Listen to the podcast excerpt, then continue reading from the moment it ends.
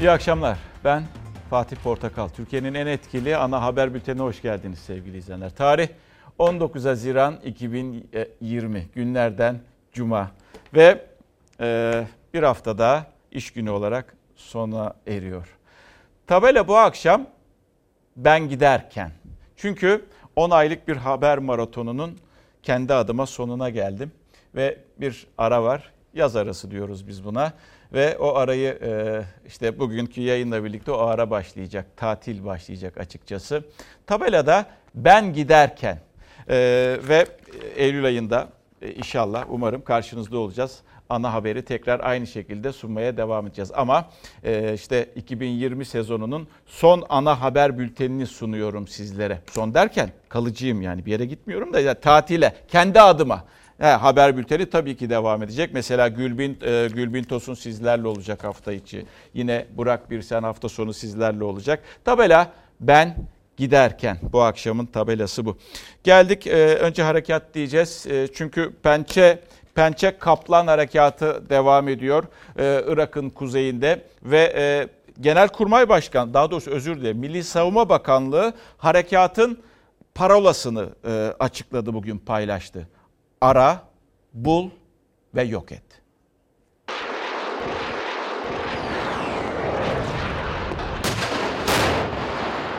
Ara, bul ve yok et. İşte Pençe Kaplan Harekatı'nın parolası. Komandolar terör yuvalarına tek tek giriyor ve imha ediyor. Milli Savunma Bakanı ve komutanlar da sınırda.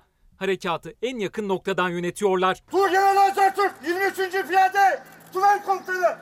Pençe Kaplan Harekatı 3. gününde Komandolar Irak'ın kuzeyinde, Haftanin'de. Onlar karadan ilerlerken obüs ve roket atarlar da hedefleri yerle bir ediyor. Komandoların en büyük destekçisi silahlı insansız hava araçları. Kaçmaya çalışan teröristler etkisiz hale getiriliyor. Harekatın ilk etabında Pençe Kartal operasyonuyla savaş uçakları Irak'ın kuzeyini vurmuş, teröristlerin sığınaklarını imha etmişti. Türk Silahlı Kuvvetleri Türkiye'nin güney ve güneydoğu sınırındaki terör hattını imha etmek için kara operasyonuna başladı. Komandolar Şırnak'tan sınırı geçti, Haftanin'e ilerledi. Sadece Irak'ın kuzeyi değil, Suriye'nin kuzeydoğusu da harekat sınırları içerisinde. Zorlu araziye rağmen komandolar ilerlemeye devam ediyor. Özellikle dağlık kesimlerde teröristlerin saklandığı çok sayıda mağara var. Hem sıcak çatışma hem de tuzaklar için Mehmetçik her an tetikte. Pençe Kaplan operasyonu e, devam ediyor ve devam edecek de. E, Milli Savunma Bakanlığı'nın açıklamasından o karar e, kararlılığı görüyorsunuz. Geldik korona diyeceğiz. Biliyorsunuz 3 ay Mart'ın 11'inden itibaren Türkiye bu korona virüs belasını yaşamaya başladı. Dünya da yaşıyor hala. Bizde de bir şekilde devam ediyor ama azaltmaya çalışıyorlar. İşte veya düşürmeye çalışıyorlar. Mücadele de ediliyor. 18 Haziran'ın bilgisi bunlar sayısal değerleri. Daha henüz açıklanmadı bugünün değerleri. Ee, şimdi 1304 burada vaka sayısını alta çekmek, aşağı çekmek gerekiyor. Yani bunu aslında sıfırlamak gerekiyor yaz aylarında ama e, hala e, sıfırlayamadığımız gibi binin altına düşmüştü. Şimdi binin tekrar üstüne çıktı. 1300-1400'lerde gidiyor ve her gün takip etmeye başladık merakla. Sağlık Bakanı'ndan gelecek açıklamaları. İstanbul için bu arada maske cezası belli oldu. Her il kendine belirliyor, kendince belirliyor il hıfzı sağ kurulları tarafından. Eğer İstanbul'da maskesiz eğer yakalanacak olursanız ödeyeceğiniz ceza 900 900 TL olacak ve birazdan bir vatandaş gelecek. Doktordu kendisi. Korona ile mücadele ediyordu. Ve maalesef Mayıs'ın sonuna doğru yaşandı. 27'sinde yaşandı bu görüntüler. Ee, yoğun bakımda kaldı. Kurtarılamadı. Ölümünden 24 saat önce hastalığı yakalandığı hastalığı anlatıyordu ailesine. Hastalık bitti sananlar. AVM'lere çıkanlar. Sakın kendinizi kandırmayın. Sakın kendinizi bu virüse öldürtmeyin. Nefes alamayarak sürünerek bin pişman olmamak için evinizde kalın. İşte fedakarlığın görüntüsü. Bir doktor ölümün kıyısında bile vazgeçmedi virüsle savaşmaktan. Bu görüntüleri de hayatını kaybetmeden hemen önce kaydetti. zorla alabildiği nefesi yine koronavirüsle mücadele için harcadı. Yeni vakalar olmasın diye kullandı o nefesini. Evet, her saniyeniz böyle geçti. Özellikle gece. Nefes alayım diye. Yalvarıyorsun. Oksijeniniz bitiyor. Başınız dönüyor. Genel cerrahi uzmanı Doktor Salih Cenap Çevli daha Türkiye'de vaka görülmeden önce almıştı bütün önlemlerini. Ama eşi Pınar Çevli ile birlikte yakalandılar ölümcül virüse. Eşi kurtuldu. Doktor Salih Cenap Çevli 27 Mayıs'ta hayata veda etti. Son kez telefon ekranından gördüler birbirlerini. Hastalık bitti sananlar. AVM'lere çıkanlar. Sakın kendinizi kandırmayın. Sakın kendinizi bu virüse öldürtmeyin. Son anında yanında olamayabilirsiniz. Günlerce göremeyebilirsiniz, dokunamayabilirsiniz. Ve bu e, eşiniz, anneniz, belki evladınız bile olabilir. Bunun şakası yok. İşte bu uyarılar bu tablonun daha kötüye gitmemesi için 1304 yeni vaka, 21 yeni ölüm. 6 günün ardından yine iyileşen hasta sayısı yeni vaka sayısının üstünde. Ama entübe ve yoğun bakımdaki hasta sayısı artıyor. Maske ve sosyal mesafe kuralına uymamanın sonucu tabloda gösteriyor kendini. Maske takmak zorunlu artık biliyorsunuz. Aa maskemizi unuttuk pardon pardon. Hemen takalım. Şimdi çıktık. Alışkanlık yok galiba.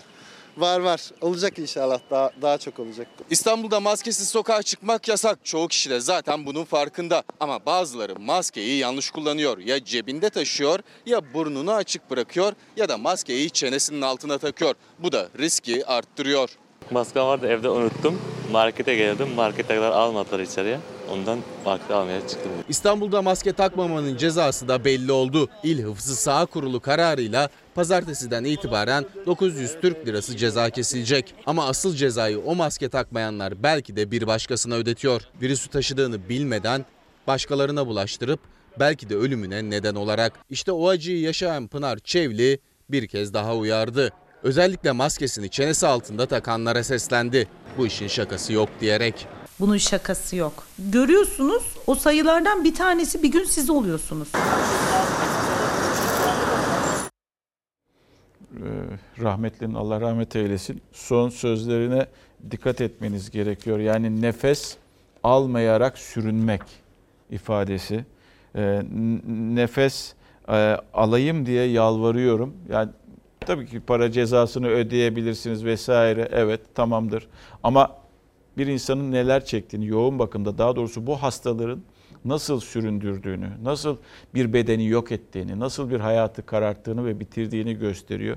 Böyle bir örnek Türkiye'de paylaşılmamıştı. Doğan e, Demirören Haber Ajansı paylaştı bu görüntüleri ve e, hastalığın gidişatını anlatan en vurucu, en etkileyici e, görüntülerdi bunlar. Şimdi e, Türk Tabipler Birliği Sağlık Bakanlığı'nın COVID-19'da yapmış olduğu e, istatistikler verilerin e, açıklamadığını söylüyor hala da ve e, açıklamaktan da kaçındığına epi, epidemiyolojik verileri açıklamaktan e, kaçındığına yer veriliyor. Epidemiyolo, epidemiyolojik veri demek toplumdaki hastalık, kaza ve sağlıkla ilgili durumların dağılımını görülme sıklıklarını inceleyen bir bilim dalı. Tıp bilimi, tıbbın içerisinde yer alan bir dal. E, bunları açıklamadığını söylüyor. Olgu sayılarındaki artışın alarm verdiğinde dile getiriyor ve cümle şu. Sağlık Bakanlığı'nın elindeki verileri açıklaması halinde illere göre hastalanma ve ölüm hızlarının hesaplanması, karşılaştırılması ve daha etkili önlemler alınması mümkün olacaktır diyor.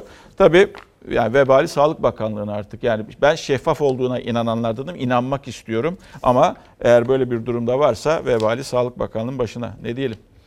Geldik e, siyaset. Siyasette tabii koronadan sonra en çok tartıştığımız konu siyaset diyeceğiz. Bunu hep tartışacağız zaten. E, şimdi bakın bugünün bültenini unutmayınız. Bugünün bülteni önemli. E, bir de e, tatilden gidip gelince yani Eylül ortası geldiğimizde size iyi akşamlar merhaba dediğinde ülkede neler değişti? Hangi noktadan hangi noktaya geldik? 2-2,5 ayda onu e, kaldığımız yerden devam edeceğiz. Şimdi seçim çok tartışılıyordu. Geçtiğimiz günlerde de bir araya gelmişti ikili. Tabii konuşulan konular arasında bu da varmış. Tahmin etmiştik zaten ve ikili karar vermiş. Yani Cumhur İttifakı artık seçimlerin normal zamanda olacağını söylüyor. 2023 yılında olacak. Bir daha da dillendirmeye de çok fazla gerek yok. Hem Ahmet Davutoğlu ee, ve e, biliyorsunuz tabii diğeri de Ali Babacan. Bunlar yeni parlamaya çalışan e, iki partinin e, isimleri, liderleri muhalefet olarak yeni isimler. Ee, AK Parti'nin içinden çıktılar ve e, ne yapacakları da merak ediliyor tabii ki. Hem söylemleri hem seçimlerde alacakları sonuçlar. Tespitler e, Davutoğlu'nun, Sayın Davutoğlu'nun tespitleri ilginç tespitler aslında. Yani üzerinde düşünülmüş, konuşulmuş tespitler. Bahçeli örtülü bir koalisyon getirdi diyor. Milliyetçi Hareket Partisi Cumhur İttifakı'nın itibar ve iradesiyle zamanında yapılacak seçimlere hazırlanacak, şeytana da külahını ters giydirecektir. Sayın Bahçeli'nin ağzından çıkacak bir söz Sayın Erdoğan'ın bütün projelerinin rafa kalkmasına sebebiyet verebilir. AK Parti kendi iradesiyle çok güçlü bir tek parti iktidarından ülkeyi kararları düzgün alamayan, örtülü bir koalisyona getirdi. Cumhur İttifakı ortakları Beştepe zirvesinde erken seçim gereksiz deyip seçimlerin 2023 yılında yapılması konusunda teyitleştiler.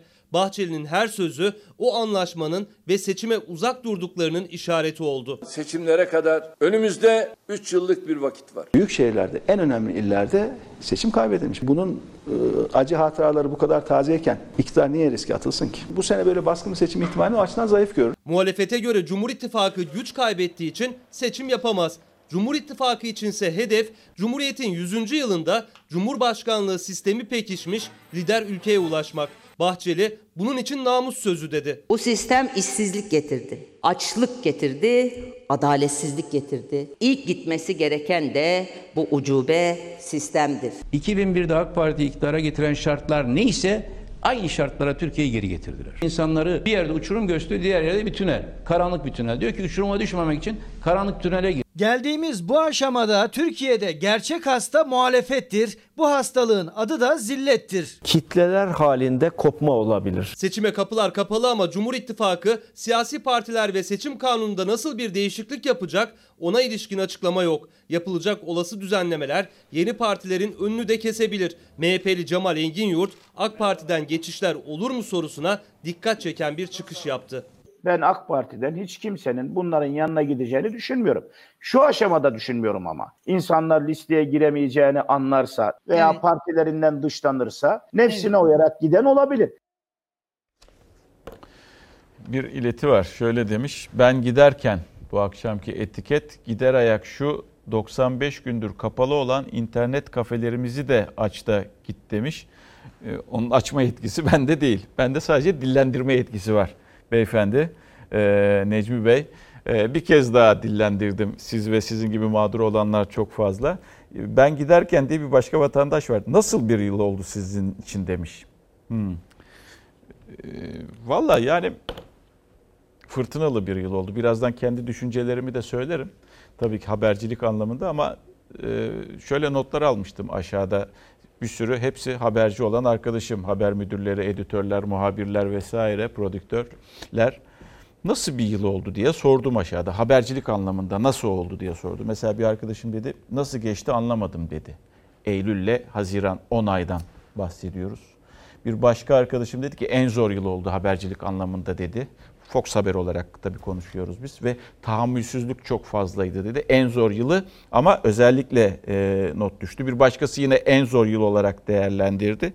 E, bir başka arkadaşım haber müdürü e, muhabirlerimiz risk alarak çalıştı dedi pandemi sürecinde. Gerçekten öyle. O haberleri 3 aydır sizlere ulaştırabilmek için kameraman olsun, muhabir olsun, yanındaki ulaştırma görevlisi arkadaş olsun bu riski alarak e, sokakta insanların arasındaydı ve haber e, yapıyorlardı. En yoğun dönemlerde hepsinden Allah razı olsun. Çok e, teşekkür ediyoruz kendilerine. Birazdan yine nasıl bir yıl oldu sorusunun cevapları birkaç tane daha var ya kendi adıma da tabii ki e, yanıtlarım nasıl bir yıl oldu diye tebessümümden de anlıyorsunuzdur aslında nasıl bir yıl olduğunu. Geldik. Ahmet Davutoğlu'na devam edeceğiz. Çünkü Ahmet Davutoğlu'nun açıklamaları aslında can yakar nitelikte ve bu açıklamalara Kendisi de çok net konuşmuyor. Ortaya bir şeyler atıyor. Ama karşı taraftan belki cevap bekliyor. Karşı taraf yani iktidarsa cevap vermiyor. Şu an için cevap vermiyor. İşte mesela şu cümle geçtiğimiz günlerde söyledi. İhalelerde neler döndüğünü gördüm. Ben bunu değiştirmek istiyordum. Parti içi bir darbe oldu dedi. Cümlenin devamı bu şekilde. Ha bunun içini doldurmadı. Ama böyle bir ithamda bulundu. Kime? İktidar partisine. İçinden çıktığı AKP'ye böyle bir ithamda bulundu. Onlar hiç üstlerine al, alınmadılar. Daha doğrusu Cumhurbaşkanı'nın geçenlerde MYK'da söylediği onları görmezden gelin şeklinde bir yaklaşım yapıyorlardı. Bugün Karar TV'deydi. Ee, yine biz bu soru sorulur diye tahmin ettik. Sorulmadı bu soru. Niçin sorulmadı onu da bilmiyorum. Veya cevap da kendisi de bu konuya girmedi. Şimdi başka bir ama cümle kurdu. Bu da önemli. Bakın bu arkadaki cümle bu. Ben dedi eğer parti içinde başbakan olsaydım, o görevleri sürdürebilseydim gizli kapaklı bütün ilişkileri hayda diyorsunuz. Arka plandaki gizli kapaklı bütün ilişkileri kesmek istedim dedi. Gizli, kapaklı, arka planda yürüyen bütün ilişkilerin önünü kesmek istedim. Böyle gizli, kapaklı ilişkiler mi vardı? E tabi doğal olarak. Torba yasa hangi ekonomik rantı kimden kime verdiğini ölçmeniz çok zor oluyor. Yasama da buna bazen alet edilmiş oluyor. Gelecek Partisi Genel Başkanı Ahmet Davutoğlu birkaç gün önce yaptığı çıkışın devamını getirdi. 2014'te başbakanlık yaptığı süreçte kamu ihaleleriyle ilgili konuşmuş ama detay vermemişti. Bu kez de gizli kapaklı rant ilişkileri iması yaptı. İhalelerde neler olup bittiğini görme, görmüştüm. Bir reform çabamız vardı ama işte belki de bu reform çabalarıdır ki parti içi darbe yaşamak durumunda kaldık. Davutoğlu bu sözlerden 3 gün sonra yolsuzluk ve şeffaflık vurgusuyla imar değişikliği sayfasını açtı. Şehrin varoşlarında yani kenar arsalarında birisi gidiyor orada arsaları alıyor. Köylünün verebileceği arsanın da fiyatını da biraz da yükseğini alıyor. Memnuniyetle veriyor. Alan kişi orada büyük bir imar değişimi yapılacağını biliyor. Önceden kapatıyor arıza. Benim açımdan tam bir ahlaksızlık var. Bir imar değişikliği olacaksa imar müdürünün imzası vesaire bütün taraflar ondan haberdar olacak. Davutoğlu'nun başbakanken 14 Ocak 2015'te açıkladığı kamuda şeffaflık paketi mecliste grubu bulunan siyasi partilerin il başkanlarının bile meclise mal bildiriminde bulunması zorunluluğunu getiriyordu. Paket Cumhurbaşkanı Erdoğan'ın mal bildirimini il ilçe başkanları düzeyine indirirseniz bu görevi üstlenecek kişiyi bulamazsınız itirazıyla rafa kalkmıştı. Dedim ki imar yasası hazırlayalım ve kimse o imar değişikliğinden özel bir rant kazanmaz. Ve buradan rant elde etmiş olan çevreler sanki benimle Cumhurbaşkanı arasında bir siyasi rekabet var ve onlar Cumhurbaşkanı'nın yanındaymış ve onu koruyormuş gibi Cumhurbaşkanı da sanki benim bütün bu çabalarım kurulan ilişkiler ağını yok edecekmiş gibi bir havaya girdi. Eleştirdiği devlet yönetiminde etik ilişkiler üzerine verdiği örnekse yine AK Parti hükümetinden geldi. İsim vermedi ama görevden alınan bir önceki Ulaştırma Bakanı Mehmet Cahit Turan'ı işaret etti Davutoğlu. Bir karayolları genel müdürü. Kuzey Anadolu Otoyolu'nun konsorsiyumunun başına gelirse sonra da Ulaştırma Bakanı olarak tekrar devlet tarafına geçiyorsunuz. Burada ilişkiler artık kontrol etme şansı Bu yoktur. anlattığınız somut isim somut somut yani, ama somut tam olmuş. son ayrılan Ulaştırma Bakanı'nın şeyini söylüyorum. Ben bir kişiyi e, itham etmek için söylüyorum. Siz, bir örnek çarpıcı bir örnektir. Gizli kapaklı bütün ilişkileri kesmek istedim. Özür dilerim. Kesmek istedim dedi. Tabii çok aslında altının doldurulması gereken bir şey. Ne var ki imardan e, şikayetçi olduğunu, esas imar işlerinden şikayetçi olduğunu anlıyorsunuz. Ha, insan artık spesifik özel bir olay ve bir isim de duymak istiyor belki. Yani bu cümleleri ortaya atıyor ama veya bu cümleleri kuruyor. E, çünkü havada kalıyor. Muhatabı olanlar da dikkate almadıklarını göstermek için cevap vermiyorlar. Ama herkes aslında kalabilir değil, zan altında kalıyor. Cumhurbaşkanı zan altında kalıyor, işte o dönemin bakanları zan altında kalıyor. Kim aklınıza? Milletvekilleri zan altında kalıyor, teşkilat zan altında kalıyor ve neden cevap vermiyorlar sorusunu akla getiriyor iktidar partisinde. Ha diyeceksiniz ki görmemezlikten gelindendi. Evet ama nereye kadar devam edecek? Ben merak ediyorum. Gizli kapaklı bütün ilişkiler nelerdir bunlar? İhale o önceki kurduğu cümle o nedir? Onun altı nasıl olacaktır? Ee, belki önümüzdeki süreçte dikkate alınacak ve cevap bulacaktır diye düşünüyorum. Çünkü merak ettiklerimiz var. Bu cümleler boşuna kurulmuş cümleler değil. Geldik yine bir başka yürüyüş diyeceğiz. HDP'ni biliyorsunuz darbeye karşı demokrasi yürüyüşü adını verdikleri yürüyüşü devam ediyor. Diğer diğer taraftan da önümüzdeki günlerde e, avukatlık ve baro yasasında değişiklik düşünüyor e, iktidar partisi. Bunu gerçekleştirebilir mi, gerçekleştiremez mi? Toplum nasıl bir ses verecek? E, daha doğrusu sivil toplum kuruluşları, barolar nasıl bir ses verecek? Onlar niyetlerini belli etmeye başladılar ve 80 ilin barosu, 80 ilin barosu e, yürüyüşe başladı. Temsili olarak yürüyüşe başlandı. Pazar günü Ankara'da buluşuyorlar. İnsan hakları ihlalleri olduğu zaman ona ses çıkarmayan, kadına karşı şiddet, çocuğa istismar edildiğinde onun yanında durmayı beceremeyen baro aranıyor. Sarı baro aranıyor sarı. İktidarın baroların seçim sistemini ve mevcut yapısını değiştirme hazırlığına tepki için 80 baro başkanı Ankara'ya yürüyüşe geçti. Eş zamanlı yola çıkan baro başkanlarının verdiği mesaj da aynıydı. Baroların görüşü alınmadan hazırlanacak yasayı kabul etmiyoruz dediler. Ümit ediyorum sesimizi duyarlar. Bölmek, işlevsizleştirmek, görev alanlarını tamamen daraltmaya matuf bu yasa değişikliği ortadan kaldırılır. Baro başkanları içeriğini henüz bilmedikleri bir kanun teklifi için neden yürür ki? Çalışılan teklif için tüm baro başkanları adına 30 başkanla hukuk STK'larıyla uzun uzun görüşüldü. Yasama yetkisi takdir tabii ki mecliste. Keşke barolar daha özgün bir duruş tercih edebilseydi. Yapabilecek başka hiçbir seçeneğimizin de kalmadığı anlaşılıyor. Yüreğimizin götürdüğü yer savunmanın güvenliğidir, insanca yaşamaktır. Barolar ve tabip odaları başta olmak üzere meslek kuruluşlarının seçim usullerinin yeniden belirlenmesiyle ilgili taslaktır. Bu çalışmayı en kısa sürede meclisin takdirine sunmalıyız. Ankara Barosu'nun Diyanet İşleri Başkanı'nı eleştiren açıklamasından sonra düğmeye bastı iktidar. Talimatı Cumhurbaşkanı verdi. O gün bugündür tartışma konusu. En son Türkiye Barolar Birliği Başkanı Feyzoğlu ve 30 baro başkanıyla Adalet Bakanı bir araya geldi. Ama müzakerelerden sonuç çıkmadı. Eylem kararı da bunun üzerine alındı. Dünyanın neresinde ilgililere sormadan hükümetler bu tür bir düzenlemeleri yapmaya kalkarlarsa oradaki sivil toplum kurumları buna tepki gösterirler. Alternatif baro, çoklu baro, nispi temsil gibi pek çok isim yazıldı bugüne kadar. Hükümetin hazırladığı teklifse ortada yok ama iktidarın bir ilde birden fazla baro olmasına yol açacak düzenleme yapacağı iddiası var. Kendi yandaşlarını yönetime getirecek, güçlendirecek bir takım düzenlemeler yapmaya çalışıyor. Birden fazla baro kurulursa çok ciddi toplumsal şekillenmeleri de kapsayacak yeni baro yapılanmaları ortaya çıkacak demektir. Sayın Feyzoğlu ısrarla bunun bir FETÖ projesi olduğunu bizlere ifade etmişti. Tepki eyleme kadar uzandı. Barolar seslerini duyurmak için yollarda. Yürüyüş sembolik olarak her gün 10 kilometre yapılacak. 21 Haziran pazar günü baro başkanları Ankara'da buluşacak. Önce Anıtkabir'e çıkacaklar ve Türkiye Barolar Birliği'ne ve meclise de gidecekler. Tabii burada e, Türkiye Barolar Birliği Başkanı Sayın Feyzioğlu duruşu da önemli. Ankara'da baro başkanlarıyla birlikte görüntü verir diye umuyorum ben.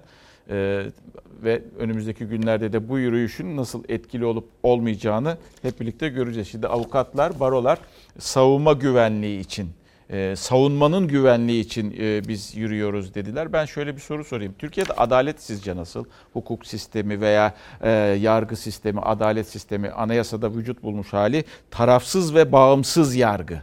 Siz buna inanıyor musunuz? Veya böyle inancınız nedir? Yüzde kaçtır diye bir soru Algınız nedir diye sorayım. Tabii e, insanların kafasında soru işaretleri çok. İşte Anayasa Mahkemesi karar verdi. Geç gelen bir adalet. Hukuksuz tutuklama yapılmıştır dedi Eren Erdem için. E, manevi taz, e, tazminat ödeyeceğiz dedi. E, ve e, Eren Erdem için... E, ceza miktarda ödeyeceği miktarda devletin 30 milyon TL 30 özür dilerim 30 bin TL hukuksuz tutuklama yapılmıştır dedi. Tamam ne oldu? Hukuksuz tutuklanmasıyla kaldı Eren Erdem. He, Selahattin Demirtaş siyasi tutuklu. O da ona da Anayasa Mahkemesi bir karar verdi. Ee, Avrupa İnsan Hakları Mahkemesi'nin kararının sonrasında hemen değerlendirdi işte değerlendirildi. Uzun tutukluluk hak ihlal edildi dedi Selahattin Demirtaş'la. Ona da bir tazminat ödemeye karar verildi. 50 bin TL manevi tazminat cezası ödeyecek e, devlet iyi. Tazminat ödendi, devlet kurtuldu mu? Ya adalet, ya geç gelen adalet, ya zamanında uygulanmayan adalet. Ona ne diyeceğiz? Sadece evet devlet parasını ödedi yat kardeşim sen içeride. Uzun da yatabilirsin. 3 ay, 5 ay, 1 yıl, 2 yıl, 3 yıl, 5 yıl yatabilirsin de denebiliyor. Ben nasıl olsa parasını ödüyorum devlet olarak diye. Geldik ekonomi. Ekonomi de e, mesela e, bugün bugünkü bülteni unutmayınız. Çünkü bu e, bir sezonun son e, ana haber bülteni e, sunuyorum kendi adıma. Eylül ayı geldiğinde e, umarım tekrar karşınızda olacağım. İşte gündemi unutmayın diye. Ekonomiyi bakın bu noktada bırakıyoruz. Şu anda Haziran'ın 19 itibariyle Mayıs itibariyle söz şöyleydi. Önceki gün söylenmişti. Mustafa Varank tarafından ve Mayıs itibariyle dedi ekonomi dipten dönüş sinyalleri veriyor dedi. Dipten dönüş sinyalleri veriyor. Yani dibe vurmuş ama o sinyali yavaş yavaş almaya başlamış. Detay açıklamadı. Detayı açıklayan kim oldu? Detayı açıklayan İyi Partili e, milletvekili, Bursa milletvekili İsmail Tatlıoğlu, Profesör Doktor İsmail Tatlıoğlu. Allah'tan hala bu verilere ulaşılabiliyor. Önemli olan bu zaten. Bir de ulaşılmadığını düşünün siz. İmalat sektörü %33 daralmış Mayıs ayında. Bir önceki Mayıs'a göre, 2019 Mayıs'ına göre. Dayanıklı tüketim %52 düşmüş. Daralmış sektör. Üretim sektöründen bahsediyoruz. Tekstil 2019 Mayıs'ına göre %77 daralmış. Lokomotif bir sektörden bahsediyoruz. Ve otomotiv sektörü %50 daralmış. Utanmadan, sıkılmadan vatandaşlarımıza IBAN numarası gönderiyorlar. Utanç tarihine geçtiler. Yerin dibine indirdiler Türk ekonomisini. Kimlere bu bütçe kaynakları aktarıldı? Bıraktığımızda faiz dışı bütçe 37 milyar liraydı. Şimdi eksi 12 milyar. Çarpan etkisine baktığımızda yaklaşık 600 milyar TL'ye geçen bir rakama ulaştığımızı söyleyebiliriz. Böyle bir başarısızlıkta o bakan o koltukta bir dakika bile oturamaz. Bugün Hazine ve Maliye Bakanı, Hazine ve Maliye Bakanı değildir. Örtülü bir başbakan görevi yürütüyor. Bakanlar bir de ona hesap vermek durumunda. İkinci otoritenin kim olduğu belli. Salvolar birbirini izledi. Muhalefet ekonomik tablonun fotoğrafını çekerken hedefe önce hazinenin başındaki isim Berat Albayrak koydu. Sonra Erdoğan'ı. 2,5 milyon kişiye istihdam sağlama, iş sağlama sözü verdi. Bırakın yeni iş sağlamayı, işi olan 658 bin yurttaşımız işinden olmuş. İmalat sanayinde %33'lük bir daralma, tekstilde yaklaşık %77, otomotivde de yaklaşık %50'nin üzerinde bir daralma söz konusudur.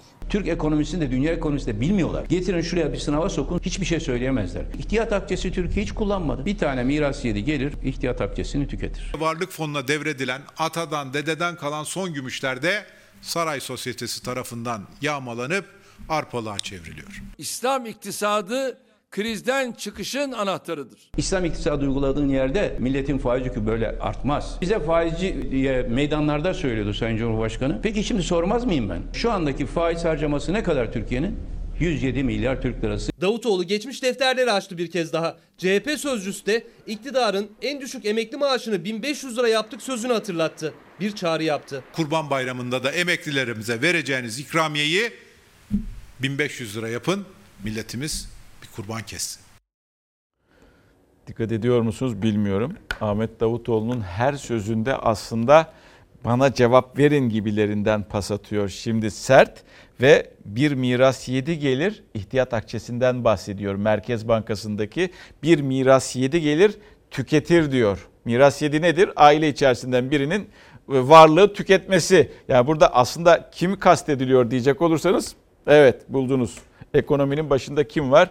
Berat Albayrak var. Onu kastediyor büyük bir ihtimalle. İsim vermiyor ama vermediği o isimden, o cümleden ismi çıkartıyorsunuz. İhtiyaç akçesi kimin zamanında kullanıldı? Tabii ki Berat Bey zamanında ama Sayın Erdoğan'dan habersiz mi oldu bu? Hayır olamaz. Mümkün değil. Zaten kendisi de söylemişti çok değil. Bundan 15-20 gün önce Ali Babacan'a cevap verirken tüm yetki bende, benden izinsiz hiçbir şey olmaz demişti gayet iyi biliyoruz tabii ki. E, o, Cumhurbaşkanı'ndan izinsiz hiçbir şey olamaz. Buna da cevap gelir mi? Geleceğini çok ummuyorum. Şimdi ben bir düzeltme yapayım. Ben bir düzeltme yapayım. Şimdi bir vatandaş şöyle demiş. Fatih Portakal'ın internet kafesi olduğunu düşünen bir tek ben miyim?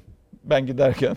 Vallahi ya nereden çıkardınız bunu? Yani Arkadaş bilmiyorum da benim internet kafem falan yok. Ben sadece gazetecilik yapıyorum ve e, bu meslekten para kazanıyorum. Başka da bir işim yok. Ama yoğun bir şekilde e, internet kafesi olanlar kapalı. 60 küsür gündür diye bir vatandaş az önce gönderdi. E, o insanların sorunu var. O insanların e, sorunlarını dile getiriyoruz. Dillendiriyoruz. Vatandaş da böyle esprili bir yaklaşım var. Gülen surat yapmış sonunda. Gözlerim tam görmese de bir dakika. Bir dakika bir dakika. Evet evet gülen surat yapmış ee, ama güzel bir şey tabii. Ee, gündemde tutmak. Kıdem. Kıdem diyeceğiz. Kıdem tazminatı önemli bizim için. Çalışanlar için önemli ama e, bir kere hükümet kafaya koydu. Ve kafaya koyduğu zaman da çıkartıyor biliyorsunuz yasaları. Yani e, adı da tamamlayıcı emeklilik sistemi. Şöyle bir baktığınızda o emeklilik sistemi herhalde on numara olacak. Önüne evet ışıl ışıl bir isim. Çok güzel. Tamamlayıcı daha da iyi bir emeklilik sistemi geliyor diye düşünebilirsiniz. Öyle mi olacak? Yani geçmiş örnekler bunun kanıtıdır diyeyim ben sizlere. Aslında şu an için mevcut çalışanlar da etkileniyor bundan. 2022'de 2022'de gündeme gelecek veya başlayacak e, start alacak ama şimdiden o tarihe kadar emekli olmuyorsanız eğer e, ondan sonrası için siz de etkileneceksiniz. Yani emekli olanlar evet onlar etkilenmeyecekler ama emekliliğe daha varsa etkileneceksiniz kaç yıl olursa olsun. Tabii e, sendikalar ne diyor? Çok çok önemli. Disk yönünü belli etti. Türk İş yani hak iş diyeyim önce. Ha, hak iş e, kırmızı çizgimiz diyor ama ne kadar e, arkasında durur bilmiyorum. Türk iş o da ne kadar arkasında durur bilmiyorum ama Türk işe bağlı tek gıda iş. O Türk işten daha sert. Sokaklara çıkarız diyor. Kıdem tazminatı hangi şekilde parlamento gündemine gelirse gelsin meclis başkanlığına iletildiği andan itibaren ertesi gün biz örgütlü olduğumuz bütün iş yerlerde üretimi durdururuz sokaklara çıkarız. İşçinin kefen param dediği kıdem tazminatının tamamlayıcı emeklilik sistemi kapsamında yeniden düzenlenmesi tartışılıyor. Türk İş'e bağlı Tek Gıda İş Sendikası'nın kıdem tazminatı konusundaki tavrı ise net. Kıdem tazminatı işçinin de sendikalarında kırmızı çizgisi. Daha önce işçi ve işveren arasında tam mütabakat aranırken kulislere göre hükümet ise bu kez daha kararlı. İşçilere, emekçilere ölümü gösterirken sıtma olarak göstereceği ve razı edeceği şey ne? Biz merakla bunu bekliyoruz şimdi. Kaldı ki biz işçi sendikaları olarak yıllardır kıdem tazminatını bir genel görev nedeni olarak sayacağımızı defalarca söyledik. Sendikalar işçinin kazanılmış hakkını kaybetmemesi ve işe yeni başlayacakların iş güvencesinden mahrum kalmaması için son sözü söyledi. Mevcut sistemde kıdem tazminatı işçiye işten ayrıldığı tarihteki ücreti üzerinden ve çalıştığı her yıla karşılık 30 günlük brüt ücret kadar ödeniyor. Eğer tamamlayıcı emeklilik sistemi düzenlemesine geçilirse işçi bu hakkını kaybedecek. Çünkü çalıştığı her yıla karşılık 30 gün değil 19 gün üzerinden hesaplanacak tazminatı. Geri kalan 11 günse tamamlayıcı emeklilik sistemine aktarılacak. İşte burada akıllardaki soru mevcut çalışanların emekliliğinin nasıl hesaplanacağı. Öncelikle yasanın 1 Ocak 2022 yılında yürürlüğe girmesi planlanıyor. Çalışanın işe giriş tarihinden o tarihe kadar çalıştığı süre boyunca kıdemi yıllık 30 gün üzerinden hesaplanacak. O tarihten sonra emekliliğe hak kazandığı güne kadarsa 19 gün üzerinden. Bu da 2022 yılından emekliliğine kadar çalıştığı süreye göre hak kaybına uğraması anlamına geliyor. 13 tane seçenek de koysa yapıyorsanız biz işçiler ve onların örgütlü gücü sendikalar kıdem tazminatını koruma kararımızı ortaya koyuyoruz. Seçeneklere kapalıyız. Her ne kadar geri kalan 11 gün işveren TES'e para da aktarsa çalışan o parayı 60 yaşından sonra emekli maaşında görecek. Sendikalar kıdem tazminatından yararlanamayanlar var şeklindeki gerekçeyi kabul etmiyor. Formülleri net. Kıdem tazminatından yararlanamayanlar için kıdem tazminatı garanti fonu diye bir fon kurarsınız. Herkesin yararlanmasını sağlarsınız. Gelecekteki çocuklarımıza ait olan bir haktan vazgeçmeye asla izin vermeyiz.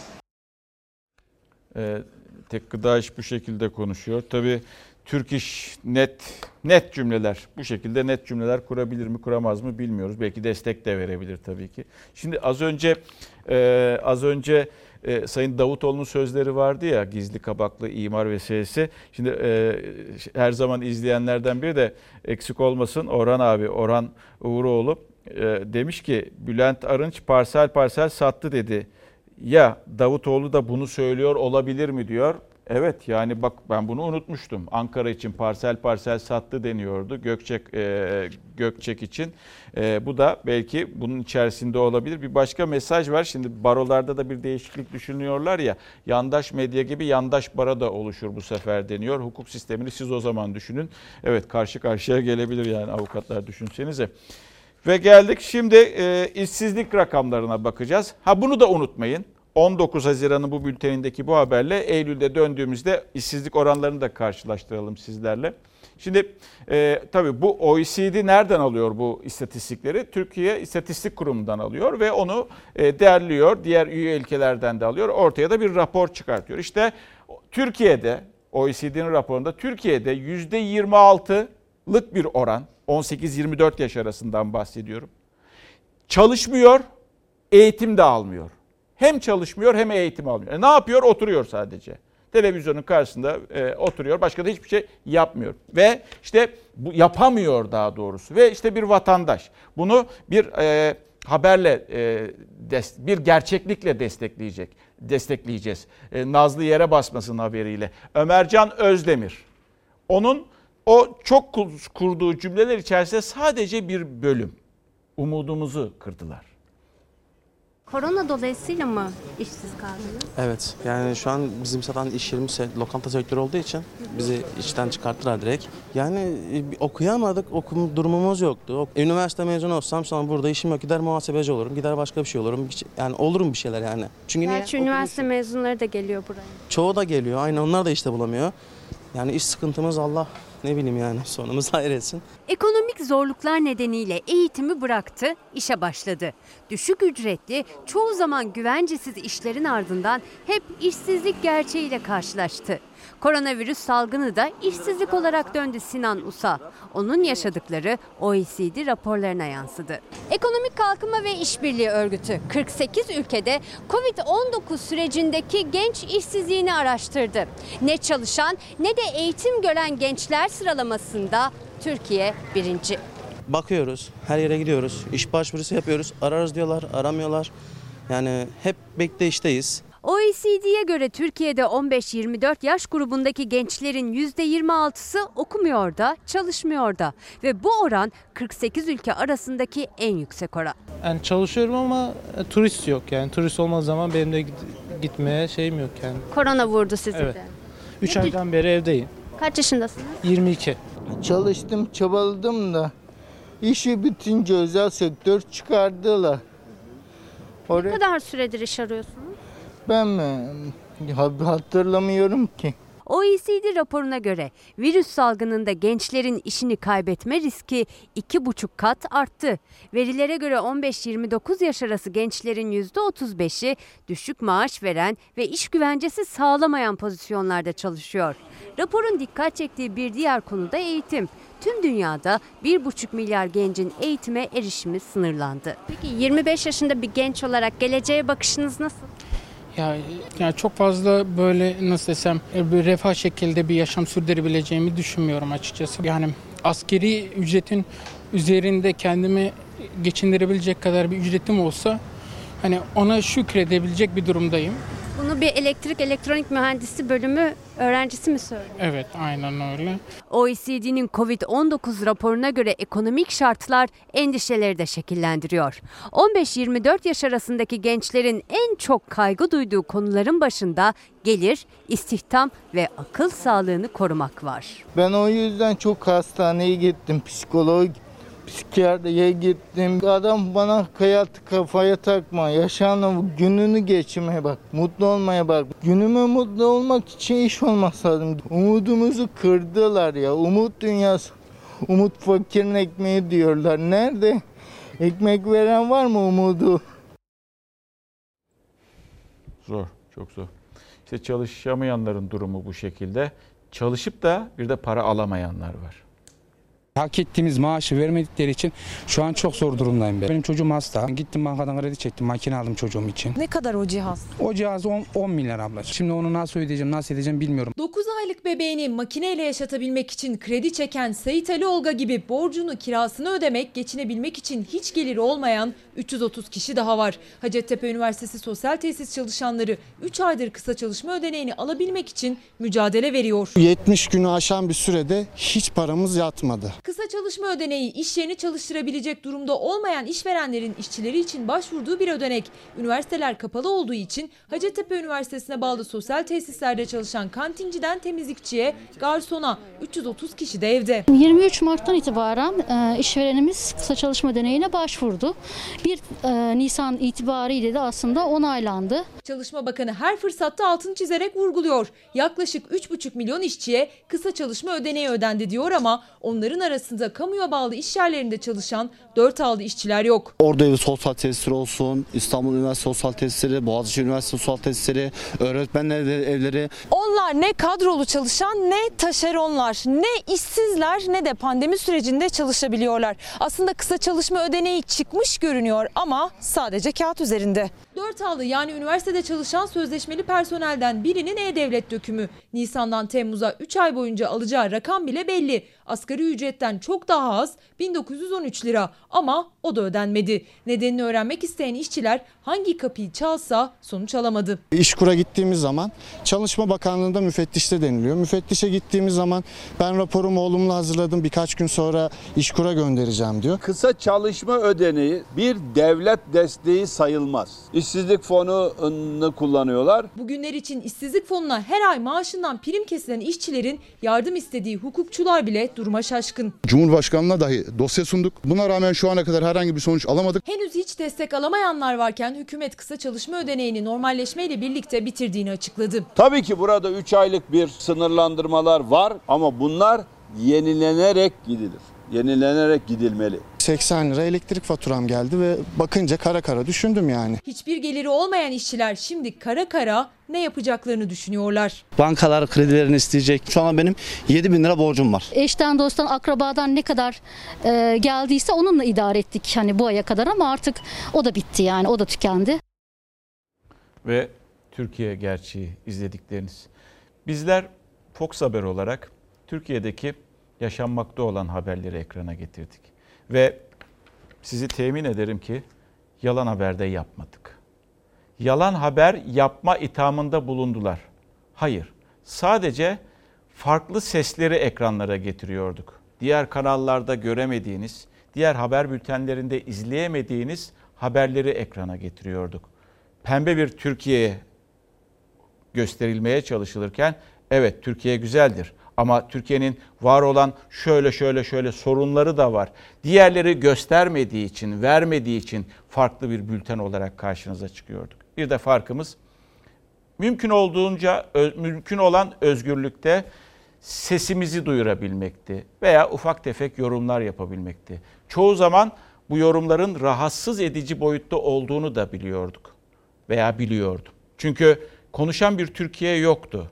Çünkü sadece evet diyen bir Türkiye vardı veya cılız seslerin yükseldiği. Ama biz cılızlıktan öte gür bir şekilde sesimizi duyurmaya çalışıyorduk veya bir şeyler söylemeye çalışıyorduk. İşte o e, ben giderken bunları söylemek istiyorum.